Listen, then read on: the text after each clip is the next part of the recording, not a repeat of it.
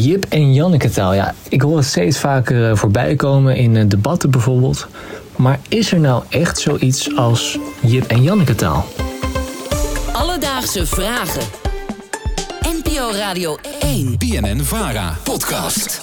Met Aaron de Jong en Merel Wilaert. In de slaapkamer staat een tafeltje. Dat tafeltje is van Jannekes moeder. En op dat tafeltje staat een flesje. Dat flesje is ook van Jannekes moeder. Er zit iets in en het is rood. Alledaagse vragen. Dankjewel John voor je vraag. En uh, ja, wat een mooie vraag, want het is vandaag precies 70 jaar geleden dat Jip en Janneke voor het eerst als stripje verschenen in het Parool. Het bekende duo is inmiddels niet meer weg te denken uit Nederland. En dat komt niet alleen door die schattige tekenstijl van Fiep Westendorp, maar ook vanwege de taal van Annie M. G. Schmid. Aaron. Ja. Waar denk jij aan bij Jip en Janneke?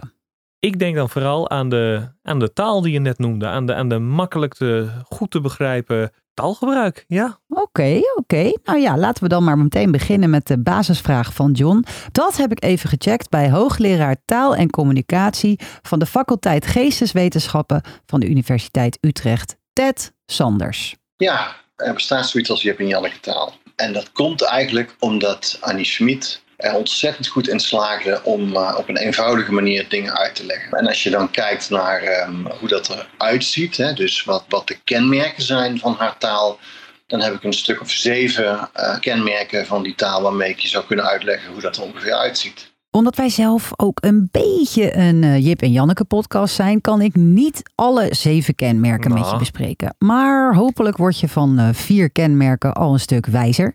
Kenmerk 1. De meest vanzelfsprekende is dat ze simpele woorden en korte zinnen gebruikt.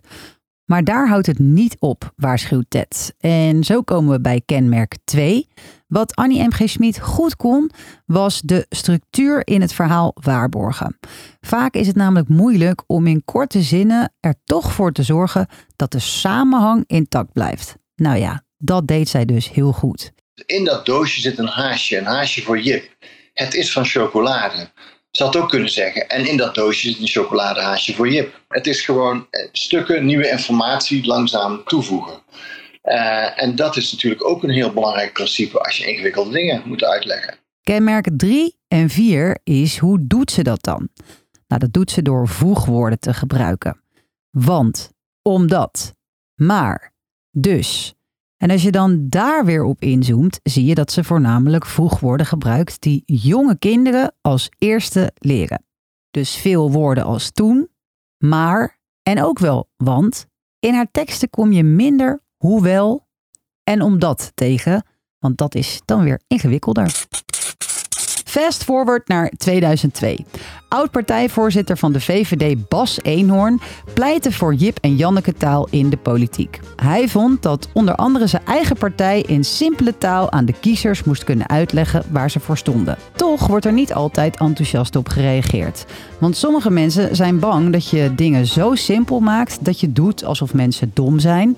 Of dat Jip en Janneke taal verward wordt met populistische taal. Nou, ik zou eigenlijk heel graag willen verzetten tegen de interpretatie dat, dit, dat Jip en Janneke taal populistisch uh, zou zijn. Uh, ik denk dat iedere politicus, uh, en zeker in deze tijd, waarin we met heel veel ingewikkelde dingen te maken hebben in de maatschappij, dat ze allemaal ontzettend hun best voor zouden moeten doen om de dingen begrijpelijk uit te leggen. Eh, als Jip en Janneke taal daarmee betekent wat ik daarnet zei, uh, gebruik korte zinnen, maar zorg dat, het, uh, dat de samenhang duidelijk blijft, dan denk ik dat het gewoon een prima streven is. Wat ik ook nog aan wil toevoegen is de overheidscommunicatie. Kijk bijvoorbeeld als je naar een brief van de Belastingdienst krijgt. Nou, ik heb dan toevallig een academische opleiding genoten, maar zelfs ik vind het af en toe moeilijk lezen. En kan me voorstellen dat als je de Nederlandse taal niet helemaal machtig bent, ja, dat je dan helemaal niet weet wat je moet doen. Alledaagse vragen.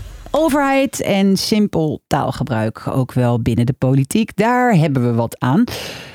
Moet jij dan al meteen aan iemand denken als ik dat zeg, uh, Aaron? Simpel taalgebruik? Ja, en een uh, soort van de tegenovergestelde variant daarvan. nou ja, ik uh, vergeet nooit meer dat onze voorman van FVD, meneer Baudet, dat hij in het Latijn begon te preken. Ja, uh, je noemt even iemand die wel vaker moeite heeft met uh, Jip en Janneke taal. Inderdaad, Thierry Baudet. En onder andere dit vond ik een uh, uitgelezen voorbeeld daarvan. Toen het bloed uit de kelk hen zuiver hield en alles stroomde uit die ene wonde. En ze braken het brood dat iedereen genoot. O verre, diepe, vervulde stonden, die ooit ook het verloren ik omsloot. Dank u wel, meneer Baudet. Dit is een vraag van mevrouw Van der Plas van BBB. Ik uh, wou de heer Baudet vragen of hij uh, de Jip en Janneke versie naar mij toe wil mailen. Want uh, mijn IQ is te laag voor deze proza. Oké, okay, ja, maar je haalde een stukje uit, want hij zegt er nog: het is poëzie, geen ja. proza. dus, John, Jip en Janneke taal bestaat dus echt. Er zijn ongeveer zeven kenmerken waar je de schrijfstijl van Annie M. G. Schmid aan kan herkennen. Korte en simpele zinnen waarbij de samenhang toch intact blijft. Dat is misschien wel het belangrijkste kenmerk. Heb je nou ook een vraag voor Alledaagse Vragen die wij voor je kunnen uitzoeken? Stuur dan een DM at Alledaagse Vragen of een mailtje naar alledaagsevragen@radio1.nl. Alledaagse Vragen. NPO Radio 1. BNN Vara. Podcast.